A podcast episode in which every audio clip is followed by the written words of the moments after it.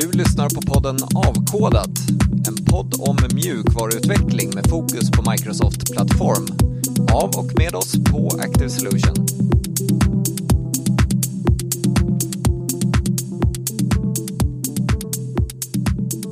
Så, varmt välkommen till det här avsnittet av Avkodat. Där vi, har egentligen ingen aning om vad vi ska prata om. Vi bara kände att nu är det dags att spela in ett nytt eh, avsnitt. Så det är jag, Robert Folkesson och Jakob E. och Chris Klog. Så eh, vad har ni hållit på med sen sist? Ja, sitter, fort, sitter och bygger autentiseringslösningar i Azure för tillfället. Just det. Med eh, Azure AD B2C, inte Entra ID. All right.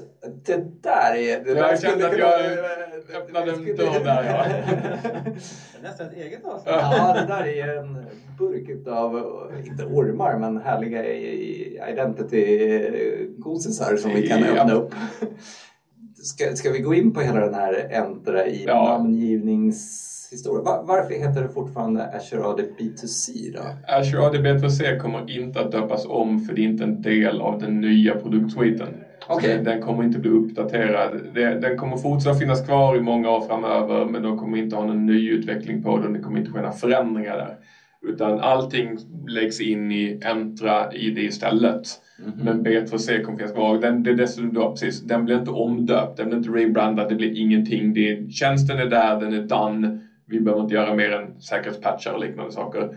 Eh, medan Entra är the new and shiny, det som var Azure Active Directory tidigare. Sen har de ju byggt in delar av funktionaliteten, eller stora delar av det som var B2C är nu Entra ID for Consumers. Så när man skapar ett Entra-ID, eh, en Entra-ID tenant så får man välja om det är för customers eller för consumers.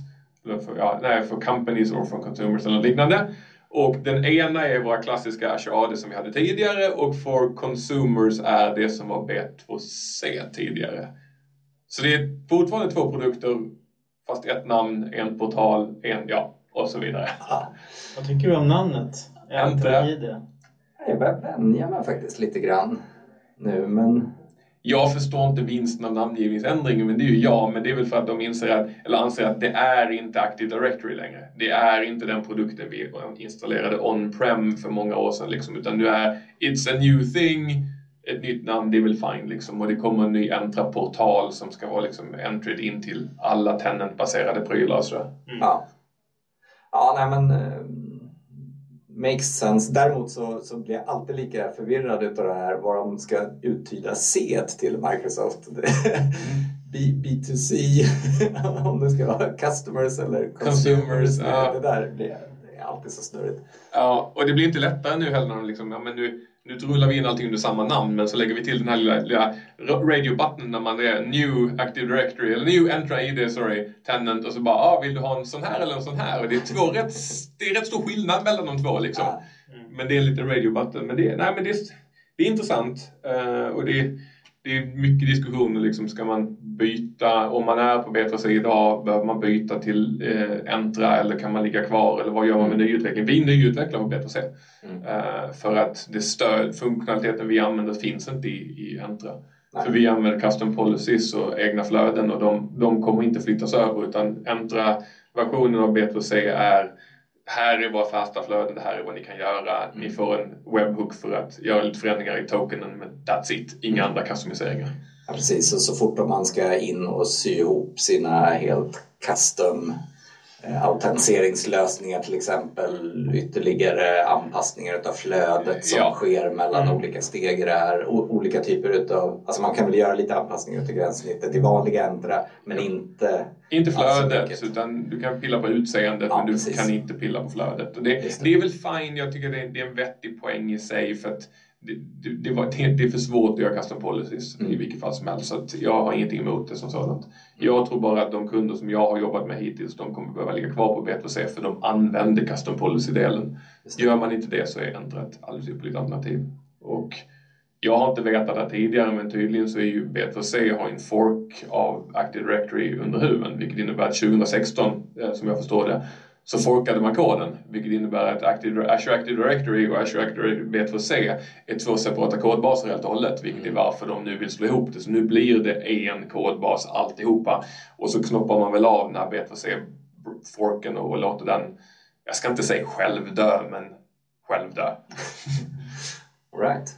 Jag vet inte, jag måste ändå bli så här, nästan lite sjukt imponerad av att man som företag orkar göra den För de gör det ganska ofta. Ja. Alltså den här typen av namnbyten och grejer som man vet dels måste vara enormt mycket jobb för att bara göra det. Och sen så kommer den få så mycket, dels så mycket skit för det och sen så mycket förvirring och frågor runt det där. Att de ändå liksom orkar med hela de grejerna. Och det här är så otroligt centralt. Jag hade väl aldrig kunnat gissa att de skulle byta namn på den tjänsten faktiskt. Jag hade aldrig kunnat eh, gissa på förhand. Och jag tror att det är ett led tillsammans med att Microsoft alltid omorganiserar. Mm. Väldigt ofta så omorganiserar de och byter namn på sina divisioner och skyfflar runt folk och alla får nya positioner, nya roller och de ändrar runt och kallar saker för Jag tror att det är ett sätt för dem att fortfarande vara på tårna efter alla dessa år. Att fortfarande kunna innovera, att inte känna liksom att de stelnar Fast det, det, finns en massa andra drivkrafter, precis liksom tekniska och de behöver liksom göra saker för att komma vidare. Och marknadsmässiga, ett visst namn och varumärke kanske anses bättre. Men jag tror att en del i det är nog att de hela tiden omformar sig för omformandets skull för att inte stelna också. Mm. Och det, det är intressant. Mm. Det är en intressant lösning att hålla alla sina anställda på tårna. Om man har ett jobb imorgon eller inte är ju också ett sätt att se det på om man ska vara sån. Jag, jag förstår framförallt i ett så stort företag som Microsoft som ju faktiskt skulle kunna stagnera och bli liksom mm. ganska rigid i sin, sin mm. grej. Att hela tiden göra de här omstruktureringarna håller väl dem på sätt och vis agila. Mm. Det känns bara som att för mig så finns det kanske andra sätt att lösa det på som hade varit lite smidigare och sådär. Men det är klart att är man ett antal hundratusen anställda så blir väl kanske processen lite mer komplicerad. Mm. Men jag håller med. Det är, när, komma med förslag om att döpa om något sånt som Active Directory. Man vet ju att det kommer ju vara svårt att förklara, det kommer vara en miljard frågor. Ingen kommer springa ut och skrika Jädrar vad bra det här var! Äntligen har de döpt om den här produkten. Det, liksom, det, det finns ju inte som en positiv effekt men det är väl långsiktigt liksom. Eh, och Jakob, jag vet, du har jobbat väldigt mycket med AI-bitarna på sista tiden. Men du gör också lite eh, identitetslösning ja, också, lite ja, vid sidan av. Ja, precis. Det är väl de två delarna. Vi, vi har ju många kunder som ja. använder Identity Server mm. för just identitetshantering och single sign och uh, många av dem kör ju på den här äldre versionen som nu inte längre är supporterad då, version 3 eller framförallt 4 då.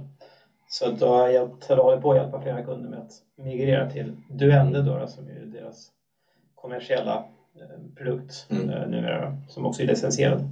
Och det är en del jobb med själva uppgraderingen, mm. men då får man också en, en supporterad produkt. Så det är precis det, är det ena jag har hållit på med de sista månaderna. Och det, och det är lite intressant med en så mogen produkt som, som Identity Server. Mm. Som, den fungerar så bra så att företagen drar sig lite grann för att ta investeringen och, och behöva uppgradera den. Mm. Även fast den inte är supporterad. Så, så har fyran har ju varit liksom superstabil. Men egentligen så bör man, ja dels den, den ligger väl inte ens kvar på en eh, supporterad version av .NET-ramverket nu. Nej precis, nej så det är ju många så vi, de, vi måste migrera. Ja. ja. Sen är det lite lustigt om man nu ska vara lite tråkig och gammal och gubbig. Så jag, jag förstår den är inte supporterad. Jag har all förståelse för det. Ni behöver inte mejla mig om det eh, eller slå mig på Twitter. Men vad är det man får för att den inte är supporterad? Ja, vi kommer inte skicka några säkerhetspatches. Hur många säkerhetspatches har ni gjort på senaste versionen sen ni släppte den? En. Så det, det, är liksom, det är inte så att i min värld, det, det, brinner ju inte i knutarna heller om att man måste göra migreringen. Sen tycker jag självklart att man bör migrera på alla sätt och vis. Liksom. Men, det, det, Men det, det lyser rött i en del scorecards kan man säga. Ja. När man använder sig av tjänster centralt. Och den är ju väldigt central. Ja. Som då, Centrala autentiseringstjänster. Ja, just den vill man ju kanske inte Eh, liksom slippa säkerhetspatcha på. Samtidigt som jag förstår att den är skittråkig att gå på även om det lyser rött. För det är, liksom, mm. det är väldigt mycket en fire and forget applikation. Det är liksom, vi spinner upp den här och sen är den, ja den är grundläggande för allt annat i vår organisation. Eller alla våra applikationer i vår organisation. Men den är ju bara där som en supportande pryl. Den är liksom den är inte, den är inte core för businessen i sig. Så att, ja. Men jag har också gjort ett par uppgraderingar. Det är för, i de flesta fall relativt smärtfri uppgradering tycker jag med ja. väl dokumenterad från version till version och grejer. Men jag har sett också att när man ändå gör det så passar man på att göra lite feature-förbättringar mm. eller lägga till BankID-autentisering eller vad det nu är man vill liksom få in när man ändå håller på. När man ändå börjar arbeta med det så gör man lite översyn i alla fall utav sin, sin autentiseringslösning. Mm. För det är ett bra tillfälle. Ja, det är det. Samtidigt har man ofta väldigt många klienter som eh, ja. man, man kan liksom inte påverka om det blir en alltför stor operation när det har 200 klienter som använder den. Så att mm. måste ju samtidigt vara bakåtkompatibel. Mm. Så att, ett projekt där vi gick från version 3, vilket är en riktigt gammal version som vi kör på .NET Framework, till liksom då Duende version 6 .NET Core. Och där springer man ju på liksom en hel del saker. Mm. Dels också bara på grund av att man går från .NET Framework till .NET Core och liksom en ja. modern version av ES och allt det där. Ja. Så det har varit intressant. Och då, då kan man säga att det är väldigt bra att middlewares finns i ASP.NET ja. Core eh, som ett sätt att kunna liksom fixa Fång, upp diverse, fixa ja, diverse problem. Ja. Som till exempel att uh, klienter skickar in dubbelslash i URL som tydligen var okej. Okay. Jag vet inte om det var Docker Framework som, som accepterade det förut, det görs inte längre. Uh, som ett exempel bara på vad man då var tvungen att hantera med middleware. Det känns, att, det känns som det skulle kunna vara någon potentiell säkerhetsproblem ja, det kan det, det. Ja. Ja. Så, ja, så det har varit intressant. Ja, men jag vet också att du har jobbat en hel del som sagt med AI-bitarna. Ja, precis. Eller specifikt eh, OpenAI då. Ja. ja. Uh, och, så vi har ju en hel del liksom, projekt på det nu i liksom, olika typer av pockar med kunder som vill se vad vi kan göra med de här grejerna. Uh, och också rena inspirationsdragningar för att visa liksom, vad det är, vad man kan göra med dem och lite sån, liksom, så här, hur kommer ni igång med det? Så det är ett otroligt stort intresse runt det. Och det går ju så otroligt snabbt. Vi satt innan här och kollade på Filip Ekberg som pratade mandarin-kinesiska eller vad var det med hjälp av någon ny tjänst som kommit. Alltså det, det känns som att det poppar upp någonting varje dag nu. Mm. Hur, hur håller du dig ajour med allting? Ja, men det, det går ju inte Nej, faktiskt. Du släpper det och... det måste man acceptera någonstans. Det, det går för fort för att man ska hinna med och kunna allting. Ja. Så det, men man får ju, det, det får man lite så här, inte, kanske inte imposter syndrom, men jag vet inte vad det syndrom man får, men man känner att det går väldigt fort. Fear of missing out, ja, the new AI service, vad det blir för akronym. Som det där som man brukar säga med att last week was an important year in AI. Det är ganska talande uttryck liksom. Ja. Men, äh, men det är otroligt, man ser just, just hur tillgängligt det blir. Det till exempel de här liksom, att generera, liksom, det är i princip en sorts deepfake det där. Mm. Även fast i det här fallet är det ett bra syfte, man kan översätta till andra språk och sånt, men man inser ju förstås att det är otroligt enkelt att generera liksom alla möjliga deepfakes nu och mm. få liksom folk att säga saker de aldrig sagt och så vidare. Så att, hur man i framtiden ska kunna skilja på vad som är äkta och eh, fake, det, det är ju en intressant frågeställning. Mm. Jag vet inte mm, hur långt de har kommit med det här med olika typer av vattenmärkning både för att mm. generera en, en, vattenmärkning, att det är AI-genererat och generera vattenmärkningar som blir svåra att eller som man kunna verifiera, alltså mm. Typ eh, certifikat att det, är, det här är signerat utav ett visst certifikat. Då vet man i alla fall avsändaren mm. och att det möjligtvis då inte har, har förändrats. Men eh, det pågår ju en hel del sådana. Jag vet att Microsoft Research har gjort en hel del arbete kring att försöka förstå hur hur ska man göra det här säkert i framtiden? Men det kommer ju inte förhindra alla de här som ja. Struntar man i det är att använda sånt som genererar sådana där eller? Mm. Och med tanke på hur dålig folk är på källkritik redan idag mm. när vi pratar liksom textbaserat, ganska lätt att slänga in i Google. Bara, liksom, om jag bara söker på det här, vad får jag upp då? Så, så ska det bli intressant att se när det kommer ett videomaterial som folk bara, ja men hur verifierar jag det? Ja men det finns ett eh, watermark som kan verifiera, det kommer inte hända. Jag tror, att det, jag tror vi är på väg in, om jag ska vara tråkig, in lite grann world of hurt under en period när det kommer spridas en massa material som kommer förstöra mycket saker och orsaka jättemycket problem om det är välgjort liksom. Mm. För det, det, det är roligt när man får gamla liksom, gamla historiska människor från en tavla att prata. Men det, det blir betydligt mycket värre när man, när man får någon president i något land att säga någonting och så sprider man det eller fejkar någon video med någonting annat. Det blir liksom en... Ja, och det är väldigt många valrörelser ja. i stora länder runt om i världen som är nära förestående. Ja. Eh, vilket blir intressant. Mm. Men okej, okay. om vi slutar deppa ett tag över allt sånt. Det är ju fantastiska möjligheter också. Ja, det är men jag måste ändå säga att det, det, det, i och med att vi har kört med inspirationsdragningarna eh, så hamnar man ju ändå ofta i de här lite mer filosofiska frågorna och det, det är roligt där man går en inspirationsdragning så kan ofta man gå därifrån att folk känner så här, det, vad ska jag göra i framtiden? Ja. Deppet kan jag, jag depp är rätt ord men man ser många utmaningar med det och det, ja. det, måste man ju ta på allvar förstås. Men det är väldigt stora frågor som, som eh, någon slags här, som mänsklighet på något sätt. Måste kris över vad är, ja. vad är min plats i tillvaron? Nej, och, och, det kan man ju nästan känna själv, alltså ja. utvecklare. Mm. Det, är, ja, absolut.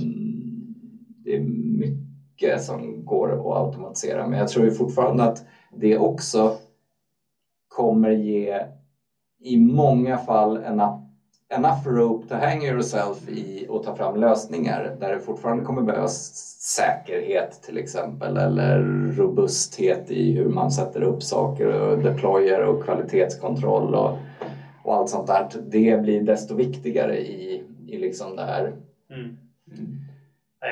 Min, maskinframtagna. Min, min, känsla är att eh, trots allt det utvecklar tror jag ett, ett hyfsat framtidssäkert jobb faktiskt. Sen ja. hur vi kommer att jobba om 20 år det är desto svårare att säga liksom men, men eh, jag känner att då är man på rätt sida av AI i vart fall. Mm. Om man säger så. Då. Jag gillar, för var, jag, jag läste någon, de hade intervjuat någon chef för något spelföretag som, där de frågade liksom om deras syn på AI också, om de kunde tänkas använda det. Så han sa, ah, men än så länge så var han inte intresserad av att lägga in någonting av det han hade sett i någon av deras mjukvaror för han sa att det är inte det är inte good enough. Det han hade som så att liksom använda det för att styra motspelare och grejer var liksom inte aktuellt idag. Eh, men han sa han hade ju hoppats på kodgenereringen, att man skulle kunna använda den så mycket som han sa. Men han, nu är det lite kaxigt uttalat, men han sa han hade inte hittills lyckats få eh, en sån generator att generera kod som på något vis var närheten av tillräckligt bra kod för att kunna använda som produktionskod i deras prylar.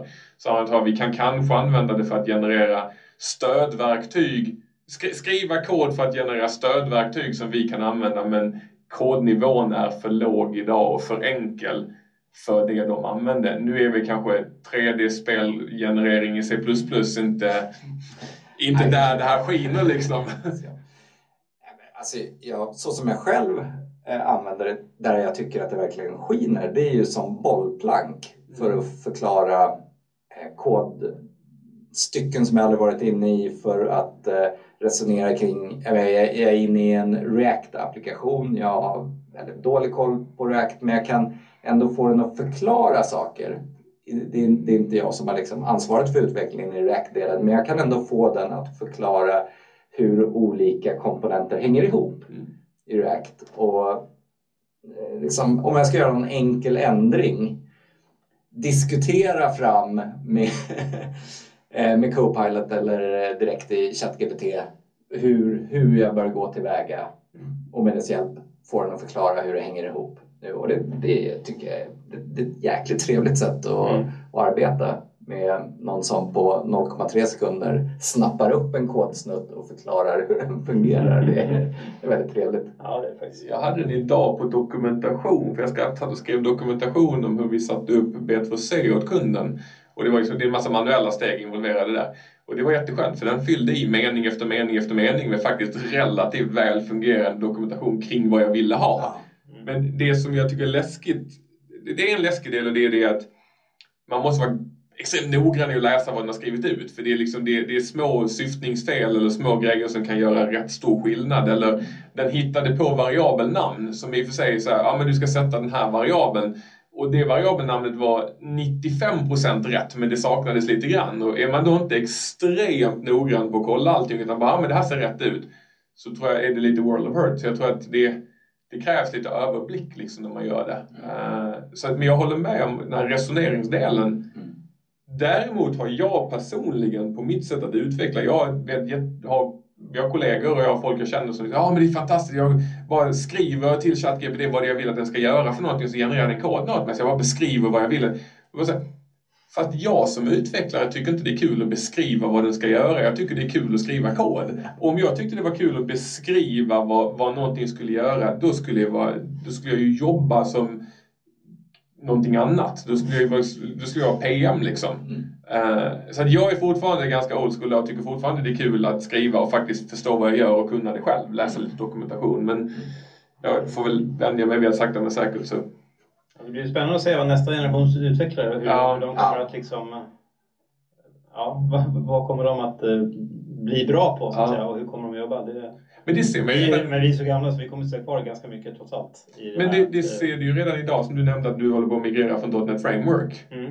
Jag, det är massor, alltså nu sitter jag med .NET Framework-applikation igen för vi håller på att migrera. Liksom. Det är en massa gammal kunskap som är nödvändig för att kunna jobba i den världen. Och mm. Det kommer ju väldigt mycket av de, de, nya, de nya människorna ser ju, har ju svårt för det redan där. Liksom. Och det som mm. säger, om vi börjar mata dem med AI-genererad kod, vad är, vad är det liksom, vad, vad blir deras kunskapsbas någonstans? Mm. För det, ja. Och sen undrar jag var, var kommer innovationen i utvecklingen i koden komma ifrån? Eftersom modellen tränas ju på, på kod, right? Så modellen går in och läser repon på GitHub och så vidare. Men om 95% av alla reporna på GitHub är genererade av AI själv, var kommer nya patterns ifrån? Var kommer ny, nya features komma ifrån om, om merparten av koden bygger på samma sak? För jag, det är svårt att utveckla om man inte får något nytt. Liksom. Mm. Nej, det är sant. Men alltså, samtidigt så den är ju tränad på i ena fallet all kod och i, ja, i större fall tränad på all text som finns. Så man kan väl möjligen tänka sig att jag vet inte om vi människor heller är, liksom, har mer kunskap än vad all mänsklig text tillsammans har. Om vi tänker att den utifrån det kan generera unik text på ett sätt som vi inte har kunnat göra för, alltså som ingen människa hade kunnat komma på att göra. Det tror jag att den kan göra. Ja, eh, men det är ju... tanke på datamängden. Jag håller med på språk och text och grejer, men det, för kod känner jag bara så här. Om, om vi tar C-sharp till exempel. Den har tränat på all C-sharp-kod som finns på GitHub till exempel. Mm. Och så introduceras det nya C-sharp features. Mm. Vad kommer de in... Alltså, jag hoppas... Alltså, det är säkert så att de tar specifika repon där de tränar som har extra vikt eller whatever, men det är ju det är ju lätt att du hamnar i situationen att bulken av all koden kommer att se exakt likadan ut för det är det som AI vet liksom. Så hur får vi det att slå igenom med nya patterns, nya idéer? Var kommer innovationen ifrån? Eh, kring hur man gör vissa saker. Nu, C-sharp rör sig inte lika mycket men JavaScript har ju liksom hittat på en massa nya sätt att skriva JavaScript på liksom under de senaste åren. Det ska bli intressant att se om det kommer att stagnera på grund av att det är samma core-motor som i princip genererar koden eller om den kommer fortsätta utvecklas. Liksom. Mm. Men eh, lite tillbaka till det där Jakob som du var inne på, där all text i världen. Ja. Skalan i och hastigheten i förbättringarna på de här modellerna är ju också helt eh, enorm. Jag lyssnade på en, en podcast med han Mustafa Suleiman heter han, som var med och skapade DeepMind. Mm. Där han berättade att den modellen som han jobbar med är ungefär hundra gånger större än GPT-4. Mm. och, det, det, det, och den var ganska stor. Den var ganska stor. Ja. Mm. Så, så att hastigheten, den exponentiella hastigheten i utvecklingen i hur de här modellerna blir större och större är också eh, det går ju inte att föreställa sig Nej. egentligen. Mm. Vi har för då, då skulle vi sitta och, och prata AI resten av kvällen. Inte med oss Peter Örneholm. Mm. Jag känner att det var ändå med eh, generativ AI-mått mätt kanske tio år sedan vi, vi hade med honom och pratade om eh, OpenAI i avkodat. Det var ju säkert flera månader sedan. Så vi, jag, jag tror att vi, vi ska nog ta något temaavsnitt och snacka, snacka rejält kring de här bitarna igen. Men jag tänkte kolla mer, det händer ju en hel del i den fysiska världen också framöver i form av konferenser. Det känns mm. som det har duggat tätt med så här call for content eller call for papers till konferenser som är på G nu nästa år. Också, jag vet att ni ska ju snacka på ett antal olika spännande konferenser också. Mm. Jag tror att vi behöver få till en intern kommunikation för jag har missat CFP inser jag nu. Så på löpande band. Jag har inte helt tappat snurren men jag har lite, lite är det på G. Ja, precis. Men igår så kom ju Devsam till exempel. Sve, Svetug kom ut idag, tyckte jag fick något mejl om. Ja, precis. Svetug eh, och eh, tvungen att kolla i fuskpappret där. Just det, Svetug kommer ju vara 12 februari eh, nästa år i Stockholm. I Stockholm ja. Mm. Och sen är det ju eh, Svetug i eh, Göteborg också. Ja, precis. I, eh, ja, det är ju om tre veckor. Om tre veckor. Eh, så ska jag dit. Just det, du ska dit och prata. Och Elin från oss också. Då. Ja, ja det blir kul. Så ska jag prata om OpenAI faktiskt. Ja, kul. Så det blir kul. Ja. Vet du hur många deltagare kommer vara på den? Nej, jag har inte hört det. För den i Stockholm har ju blivit vuxit och blivit ganska stor. Ja, och jag var i Göteborg förra året när det var första året. Ja. Då kommer jag inte ihåg, då kanske det var 250 någonting men det hade sålt ja. väldigt snabbt faktiskt. Ja. Eh, så det var ett stort intresse där. Så jag misstänker att de kunde kunna växa lite i år. Kul! Och, och, och sen har du fler konferenser på gång också tror jag? Ja, jag ska till NDC i Porto i Portugal. Ja, oh, wow! det är kul att åka dit. Ja. så det är lite en sån bucket list. Om jag har riktigt så här, om jag hinner med så skulle jag väldigt gärna vilja passa på sen ja. åka ner till Nazaré och kolla på den här klassiska surfplatsen. Ja, just, I alla fall så blåser så det vore jäkligt kul att se det. Ja. Men äh, där ska jag prata om, om Codespaces, vilket right. en GitHub Codespaces. Ja. Det var lite sån hur man kan jobba med containeriserad utvecklingsmiljö. Ja. Så den har jag kört någon gång förut så att den, den ska bli kul att köra igen. Coolt. Och Chris, du är också lite i pipen. Det har jag, men jag, jag missade Svet och Göteborg. Jag var tvungen att tacka nej tyvärr. Uh, för jag åker till, uh, jag först och främst till Tekorama Holland uh, nästa vecka. Den verkar ju väldigt häftig också. Ja, som konferens. Jag har aldrig varit på den, den, den känns ju verkligen jag, cool. När folk frågar så, så ska jag säga, jag har sett mycket konferenser runt omkring och skulle jag välja Europa så NDC Oslo är fortfarande störst, bäst och vackrast i min värld. Liksom. Men jag tycker att Tekorama, eh, antingen Holland eller Belgien, båda två är extremt välorganiserade, stora, bra konferenser. Så att, vill man åka på konferens och titta på lite, lite, lite kul grejer så är det definitivt rekommendera. Mm. Um, de, de kör ju med att eh, själva venuen är ju liksom en sån här biografkomplex. Så att mm. sessionerna hålls i liksom stora biografsalar vilket ja. är ganska fantastiskt för det är ju jättebra liksom, ljud och ljus och sköna stolar och man har en gigantisk skärm bakom sig. ja, ur det synvinkeln det är också så välorganiserat och sen är det jättekul för de har tema på allting alltid. Just nu temat för det här året var eh, djungel vilket innebär att det är det är, de köpt, hyrde in alla växterna som fanns att hyra mer eller mindre in på något företag i Belgien. Så de ringde till en fråga och det blev fel i ordern. De hade typ tagit allt de hade och sen köpt, hyrt in en massa eh, plastapor och orangutanger och andra djur som stod och helt enkelt pimpat hela, eller halva biografanläggningen var det, var det såg ut som att man gick in i en djungel. Det det är coolt, det är välgjort. Såg det på webbplatsen också, var det lite så med lite blinkande ögon i djungeln-tema. Ja. ja, men de, de, är duktiga på det där. Ja. Och jag tror att det är en av, som talare så är det definitivt en av mina absolut favorits talare. Det måste jag ge dem en tjata på. Som talare så är det bästa, mest välorganiserade. Mm. De, har, eh, de har en liten webbsida för, för talarna där man kan gå in och kolla så att alla flighter finns och alla boendeuppgifter. Det mejlas ut en, en egen pdf som är för dig med vilka sessioner du har, när de är, kartor, var du ska resa någonstans. Allting är liksom färdigorganiserat och som talare så är det värt extremt mycket i min värld. Liksom. Jag, är inte så, jag är inte så organiserad av mig. Men sen efter det så är det .NET Developer Days Warszawa. Mm. Eh, sen åker jag på semester i Afrika i, i en vecka eller en halv. Och sen wow. efter det så är det eh, VS Live Orlando för min del. Mm. Det ska bli kul. Späckat schema på hösten.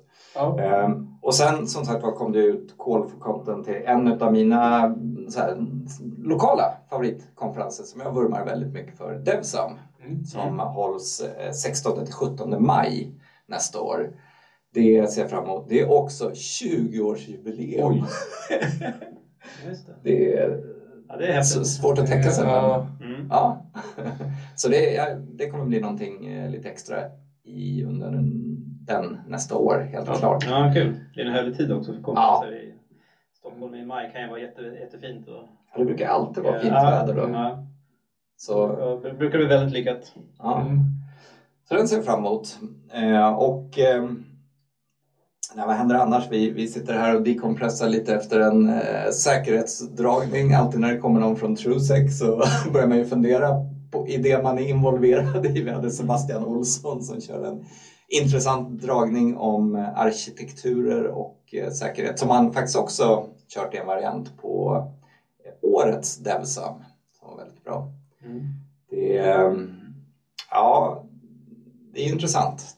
Det, det, finns ju en del att tänka på kring säkerhet, kan man väl lugnt säga. Mm. Där är ju faktiskt ett område där jag tror att vi som utvecklare och arkitekter fortfarande kommer ha ännu mer att göra mm. oavsett eh, hur mycket kod, kanske beroende på hur mycket kod som AI genereras så, så är det ett område där det definitivt kommer finnas att göra.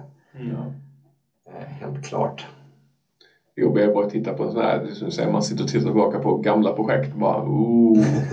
ah, Fast andra sidan så måste man ju för det första vara lite ärlig att done and dusted. Vi kan, man kan inte titta tillbaka och gnälla hela tiden på allt man har gjort. Och det, men sen är det ju också det, det är en avvägning. Eh, kunderna har inte alltid råd eller möjlighet att betala och vänta hur länge som helst liksom på att få allting optimalt uppsatt. Eh, så att det är alltid intressant att se liksom vad, är, vad, vad borde vi vara och var är vi någonstans och sen kanske sikta någonstans mitt emellan och säga vi kanske ska försöka komma upp på den här nivån annars tror jag man får panik. När man... Mm. Mm. Jag, jag tycker en intressant sak som han tog upp som jag själv känner är, är ett hål i lösningar som jag har varit involverad i det är det här med eventbaserade eller meddelandebaserade system där man är väldigt ofta noga med att sändande service eller entitet vad den är, ska ha strikta rättigheter och få skicka till den här. Men att de som lyssnar verkligen är säkra på att det är den som har sänt den som har sänt den. Mm. Eh, inte alls är lika uppsäkrat eller att meddelandet inte har blivit ändrat på något vis från det sätt. Så den aspekten tycker jag är väldigt intressant. Mm. Det, ja, det blir ju som man sa en helt central komponent. Ja. Och då släpper man på det där så då, där liksom faller den här lilla segmenteringen igen. Ja. Alla får läsa från det där egentligen. Och som sagt, vem säger att det var Pelle som skickade det där meddelandet egentligen. Precis, eller att det var det som stod i det, om nej, det var Pelle som skickade nej. den. Det är jätteintressant tycker jag. Men det är också ja. svårt och jag, jag kan ju, det finns ju massa lösningar på det här. Jag kan ju säga liksom signera alla meddelanden vore trevligt men då kommer nästa vara var, var hämtar jag ut min public key för, för signaturen någonstans? Och hur löser jag det utan att det ska vara fel idén med att skicka meddelanden, inte hela men en del i att det ska vara asynkront. Men helt plötsligt så behöver jag ha någon form av synkront sätt att kunna validera prylen och så vidare. Så mm. Alla de här grejerna är, åh oh, det där ska man, just det, så måste jag bygga den där grejen och så måste jag fixa det här och så måste jag ordna det här. Det, det, det, det är kul att titta på liksom och jag tror att jag kommer definitivt ha med mig det i framtiden. Men jag har fortfarande svårt att se hur jag gör det på ett enkelt sätt idag. Nej. Nej men sen man måste väl göra det sådär risk versus konsekvens. Ja. Liksom att, mm. Gör man en säkerhetsgenomgång så kommer man ju lyfta upp många potentiella saker. Så, så måste man ju, man kan inte täppa till allt det där på en gång heller. Uh, utan göra om allting från början. Och då måste man ju säga på något sätt, okej okay, det här är de riskerna vi har. Hur stora är konsekvenserna ja. om det skulle hända? Då är det kanske vissa som är värre. Uh, och, och, kanske också så här, hur troliga är det att det händer och så vidare. Och så får man börja där liksom. Mm. På något sätt. Det, det är väl så man måste resonera. Ja, jag gillar, för den andra grejen jag fastnar för en annan sak som man pratar om och det är egentligen det här med kommunikation mellan servicer in i det är lätt att se nätverksboundaryn i, i Azure till exempel. Har man en VNet och gjort allting internt så är det liksom Ja, då, behöver det fullt blås. då är det fullt blås där. behöver inte ha. Men vi satt upp nu faktiskt åt kunder och satt upp och autentisera mellan tjänsterna med hjälp av Azure AD och App Registrations och satt upp eh, scopes och, och lite sådana saker. Mm det är förvånansvärt lätt att göra. Mm. Det, är inte, det är inte svårt att göra, det är lätt att implementera, det är lätt att göra. Är, ja, vi kommer jag kommer fortsätta göra det i alla tjänster i framtiden för det är, där är en sån grej där jag känner att det är lättare att sträva mot zero trust ja, ja, där är det, det, det är så, för icke meddelandebaserad synkron kommunikation så är det, det var så sjukt lätt att göra. Så det, är liksom, det finns ingen anledning att inte Plus att vi dessutom erbjuder kunden att vi håller på att bygga några tjänster nu men tjänster, alla upgrade sessions ligger i deras AD. Sen kan de säga att tjänst A får lov att prata med tjänst B och C och så vidare. Och framtida tjänster som kommer att byggas långt efter jag har lämnat där kommer fortfarande kunna använda samma autentiseringsmodell och nya tjänster kan få access utan att jag som utvecklare som har byggt tjänsten behöver göra någonting mer än att någon någon admin någonstans ska sitta och säga att nu får ni i den nya tjänsten lov att prata med den här gamla tjänsten. Mm. Det är inte värt att låta bli liksom. Det är lika lätt att göra. Mm. Ett annat ämne som vi tänkte först, ska vi ha det som ett, som ett litet tema för det här avsnittet utav avkodat och sen ska vi på att det är ingen av oss som har en jättestor så här koll och grävt i alla detaljer utan men det är ju .NET 8. Eh, och jag själv har bara sett ja, jag, har sett att det kommer mycket schysstare debuggmöjligheter. Om man kör Visual Studio så kan man titta på saker, mycket lättare få ut information om HTTP-kontext eh, och sådana här saker. Så att det blir, det blir mycket enklare att liksom titta på de här objekten som tidigare har varit väldigt svåra att borra igenom i debug-scenarion. Eh, så, så det är en grej som känns väldigt handfast och trevlig. Jag vet inte, har ni snappat upp någonting än så länge som Nej, jag måste säga jag har inte sett mycket överhuvudtaget. Uh, men jag har inte tittat heller, jag har varit fullt utan varandra. Jag gissar på att vi kommer få rätt mycket performance improvements igen också. Även ja. det var väl mer sånt i sjuan, men jag hoppas på lite till. Mm. Nej, tyvärr. Jag har inte heller hunnit gräva in i, i nyheterna så noga. Ja, vi får ta med vår kollega Conny ja. i något specialavsnitt om det här. Koll på det där. Ja, men det är väl en mer intressant release än vad, vad sjuan var. Uh, eftersom för det första så är det en LTS-release.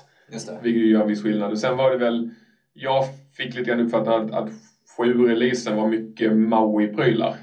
Och är man inte, det var liksom, man, var man inte Maui-utvecklare så var det ganska mjäkig release som sådant. Nu känns det som att 8 är ett lite annat blås och lite andra prylar. Så det ska bli kul att se men jag har svårt att engagera mig månader innan de släpper det liksom. Mm. Så att... På tal om supporterad man får ju ibland sådana här mail också från Azure som säger att nu måste du eh, uppdatera din app-service här för att nu slutar, nu supporterar vi inte. Oh. Um, och visst är det så att är det, när man säger LTS, hur många år är det? Är det tre år eller säger jag fel då? Eller det, det, är väl något sånt. Uh, det, men det är ju sånt, nej det är väl längre på LTS va? Eller ja, det är, den är åtminstone fast. För det är också ja. så här, för de, deras vanliga standard term support eller standard whatever den andra heter. Den är ju liksom, den är ju baserad på när nästa release släpps plus x antal månader och ja, det ena med det andra. Så att, eh, sen å andra sidan så ska jag vara helt ärlig. Jag, vi hade diskussion häromdagen. Det, det, åh, ska vi vårt nya projekt välja eh, sjuan eller ska vi gå på sexan som LTS? Eller vad, och liksom, helt ärligt, hittills har att, att rulla mellan version 5, 6 och 7 har varit att gå in i CS Pro och ändra en siffra och sen har det bara funkat. Ja. Och om det är en sak, jag har mycket åsikter om Microsoft, både positiva och negativa. Men om det är en sak som jag hävdar att väldigt få människor klagar på så är det Microsofts besatthet av bakåtkompatibilitet. Mm. De tar inte sönder saker. Så att jag skulle i min värld jag bryr mig ganska lite om det är LTS eller inte för det, det är så lätt att rulla de här appuppdateringarna så att gå på den versionen jag har för tillfället och rulla upp den vid tillfälle och är det någon app som står och glöms bort och inte används, ja, då spelar det kanske ingen roll om jag har support heller liksom. Mm. Men det hade ju varit trevligt om den, apropå bakåtkompatibilitet då, att man inte hade behövt få det där mejlet. Ja. Eh, om man har en applikation som snurrar på .NET 6 i Azure App Service, ja. varför kan den inte få fortsätta göra det? Um, Även, även om de rullar ut .NET 8 på de servrarna. Eller liksom men, det är väl, så... men det är väl det att du, min gissning är att din app, även om den ligger och snurrar, kan potentiellt flyttas runt lite titt som tätt. Och om de ska vara bakåtkompatibla alla de här versionerna så måste de ha miljöer som har alla, alla runtimes installerade. Och så pratar du att du vill ha alla .NET runtimes installerade så sakta men säkert så blir det liksom en craft stuff. Men jag håller med. Det borde inte ja, vara spelsvårt. Kanske i vart fall den versionen innan hade man kanske ja. visst att de inte ska supportera .NET liksom Core 2.2 eller ja. säger så. Det, det har jag full förståelse för. Men liksom, lite det, längre det, det, det är jättelänge sedan .NET 6 kom. Eller liksom blev mm. heller. Så att det är ju lite så här. Jag såg lite Twitter-trådar runt det där. Folk tyckte att det var mer som harassment det där. harassment, så, nu, nu får jag stoppa en container så jag slipper det här. Liksom. Så ja. är man ju lite, min, lite mindre sårbar för den typen av, av plattformsuppgraderingar. Mm. Men en annan sak som är på väg som jag vet inte om det kommer att detta som är intressant är ju C-sharp DevKit. Det har vi inte pratat någonting om vid något tillfälle tror jag. Nej, kan du förklara det lite? Ja, alltså, de, de kommer förändra, och det här är spännande, de ska förändra hur Visual Studio Code jobbar med C-sharp. För de inser att det var det är för stort steg mellan Visual Studio och Visual Studio Code och sen dessutom så försvinner Visual Studio for Mac helt och hållet. Eh, vilket innebär att det är Visual Studio Code som väl är vägen framåt och då släpper man istället för OmniSharps eh, lösning för C-sharp-prylar så kommer man släppa C-sharp DevKit istället. Mm. Och C-sharp DevKit finns i två olika paket dessutom. Eller det, jag tror DevKit, ja, jag, jag vet inte exakt hur det är men det finns två paket. Det ena paketet, då får man lite en ny language server och lite nya prylar, men inte jättemycket. Men framförallt så är det inte OmniSharp utan det är samma language server som Visual Studio använder som jag förstår. Men, och den kan alla få lov att använda. Men om man har en Visual Studio-licens så kan man installera C-sharp DevKit som är en större grej, vilket innebär att Visual Studio helt plötsligt får stöd för solution-filer och, och lite andra sådana prylar. De får IntelliSense-hjälp med, med den här, eh, vad är den heter, IntelliCode heter det va? När den tipsar om din senaste användarmetoder och liksom vad, vad som är mest sannolikt för dig att använda. Det kommer rulla in där plus lite andra features och där blev lite, lite diskussion om det där för att de nämnde väl i förbifarten att ah, det här är jättebra, vi kommer släppa DevKit, ni kommer göra saker vid Studio. Eh, eh, asterisk, eh, ni kommer behöva en licens, men bla bla bla bla, bla. och sen så var det någon som bla, bla, bla, bla, bla, bla, licens. Den delen är inte open source och den kräver en licens för att den innehåller proprietär kod från Visual Studio. Så att därför så krävs det en licens för att få lov att använda hela delen. Men vad jag förstår så ska language servern som ska ha bättre prestanda och vara bättre på att göra sitt jobb ska fortfarande vara i den fria versionen. Men eh, jag har suttit med DevKit eh, och lite grann gett upp under utvecklingsprocessen för den Hos mig har den funkat lite instabilt, men det är trots allt beta just ja. nu. Mm. Men det är nice att kunna öppna en solution-fil om jag ska vara helt ärlig. Även om jag gillar liksom filstrukturen så är det ibland trevligt att kunna se vad folk ser i sin Visual Studio-miljö också. Mm. lite saker. Så att, trevligt lite grann, bästa av båda världarna i Visual Studio Code är väl förhoppningen ja, eh, när det blir klart. Schysst. Är det slutet för Visual Studio tror du? Är det början på slutet? nej, alltså... Är det jag... Solution Explorer som krävs? ja, nej, men jag, det är intressant för jag, jag velat fram och tillbaka väldigt länge. Jag lovade mig själv för två år sedan att jag skulle sluta med, med att köra Visual Studio helt och hållet. Uh, och dessutom så tvingade jag mig själv att göra allting i Windows Subsystem för Linux. Så för två år sedan så vände jag över helt och hållet, körde all min kod i VSL, körde bara Visual Studio Code och det har varit en intressant inlärningskurva och en intressant utvecklingsmodell. Men för det första så med DevKit så blev det så instabilt. Min language server rasade hela tiden. Jag fick inte IntelliSense. Det var saker som strulade. Till, troligen för att det var med VSL dessutom. Men det tråkiga är att de, de samarbetar så dåligt mellan Visual Studio Code och Visual Studio. Så jag kan inte sitta i ett team där vissa kör Visual Studio och vissa kör Visual Studio Code. För att F5 för att debugga är två helt olika världar. I Visual Studio så är det på ett sätt och i Code är det på ett annat sätt. Och slänger man dessutom in i mixen, vilket vi gör, vi har Docker Compose och behöver liksom debugga i Compose-lösningar, så är det ytterligare en grej där Visual Studio stöder DC Proj eller Docker Compose-projekt. Mm. Och det gör inte Code. Och ytterligare läskig grej är att när man får det att funka i Code, så i Visual Studio så attachar debuggen innan containern drar igång riktigt.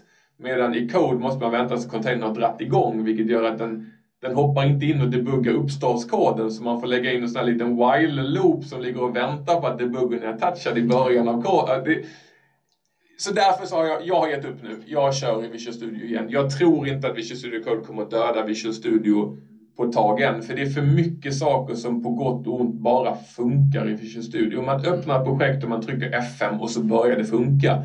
I Code så öppnar man ett projekt och så trycker man F5 och så får man ah, du vill debugga. Vad är det för typ av projekt? Vad vill du ha för setup för det här? Hur, vad vill du launcha när du gör det? Ja. ja. Samtidigt så är det ju så oerhört mycket trevligare att göra ren webbutveckling i ja. Code och vissa saker, när det är, det är lite så avgränsade functions till, till exempel, okay. föredrar jag och, och mm, arbeta med i Code. När, när det är liksom avgränsat eller webb, då är det väldigt trevligt att vara i Code. Webb går ju inte Visual Studio. Nej. Vi, eh, vi jobbar med webb just nu med React och ja. en backend av, av, och YARP och lite sådana saker. Men jag, har, jag gör principsaken nu att vi startar C-sharp webbappen, alltså själva API i Visual Studio mm. och sen använder vi YARP till port 3000 till Reacts egen webbserver och sen ja. sitter vi och kör frontend i Code och backend i det. Det är Sam, det. Samma här. Ja, och det funkade jättebra till. Och det är, förlåt, men jag tycker även Code är bättre på Bicep till exempel. Jag tycker det är ja, bättre på Terraform. Jag tycker det är bättre på alla de här sakerna som inte är C-sharp. så tycker jag att Code är mycket trevligare. Och det, det går ju framförallt dessutom mycket snabbare att dra igång och det är mycket snappigare som sådant. Mm. Och det drar inte 1,8 gig ram när man startar upp det första gången. Nej. Även om trenden känns som att det är ja. lite på väg dit. Ja. Man börjar bygga mer och mer features och mer och mer extension. Och ja. Fördelen är att de är fortfarande pluggbara. Man kan själv välja sina extensions. Mm. Jag, önskar, jag, jag ser ju fram emot en dag när vi kör studio och har mer pluggability. Jag, jag, behöver inte ha alla de här featuresen. De kan ni plocka bort. Ge mig liksom bare bones lösningen. Vilket är ironiskt. Visual Studio är ju egentligen bara ett shell. All, allting är ju egentligen extensions. Alltså. Allt som kör i Studio. Men, men, samtidigt så är det inte i praktiken så det funkar för slutanvändarna hos oss. Och det är lite synd. Jag vet att ja. vi har pratat om det många gånger på, på summiten hos Microsoft. Liksom, att det vore bra om den var mer liksom, flexibel och grejer. Så mm jag vet inte, folk sa att vi vill ha det till att vara 64 bitars och vi vill att det ska börja med någon miniversion så vi sen kan lägga till saker ovanpå. Mm. Eh, Extension-delarna har vi fortfarande inte fått i alla fall. Alright. Eh, ja, men, eh, vi kanske ska låta det vara de, de avrundande orden i det här avsnittet av Avkodat och så ska vi planera in eh, minst en eh, specialare där vi ser till att få med Peter Örneholm kring AI-bitarna Mm. Eh, känns som. Och vi måste prata mer om .NET. Vi får ha ett dedikerat .NET 8 avsnitt. .NET 8 avsnitt. När vi har hunnit gå dit och läsa vad det stod på paketet. ja, precis. Alright. Unboxing. Ja. Unboxing, ja. Unboxing.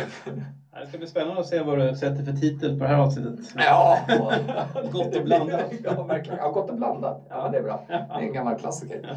Eh, så tack så hemskt mycket för att du har lyssnat på Gott och blandat eh, avsnittet utav Avkodat. Så hoppas jag att vi hör, hörs snart igen.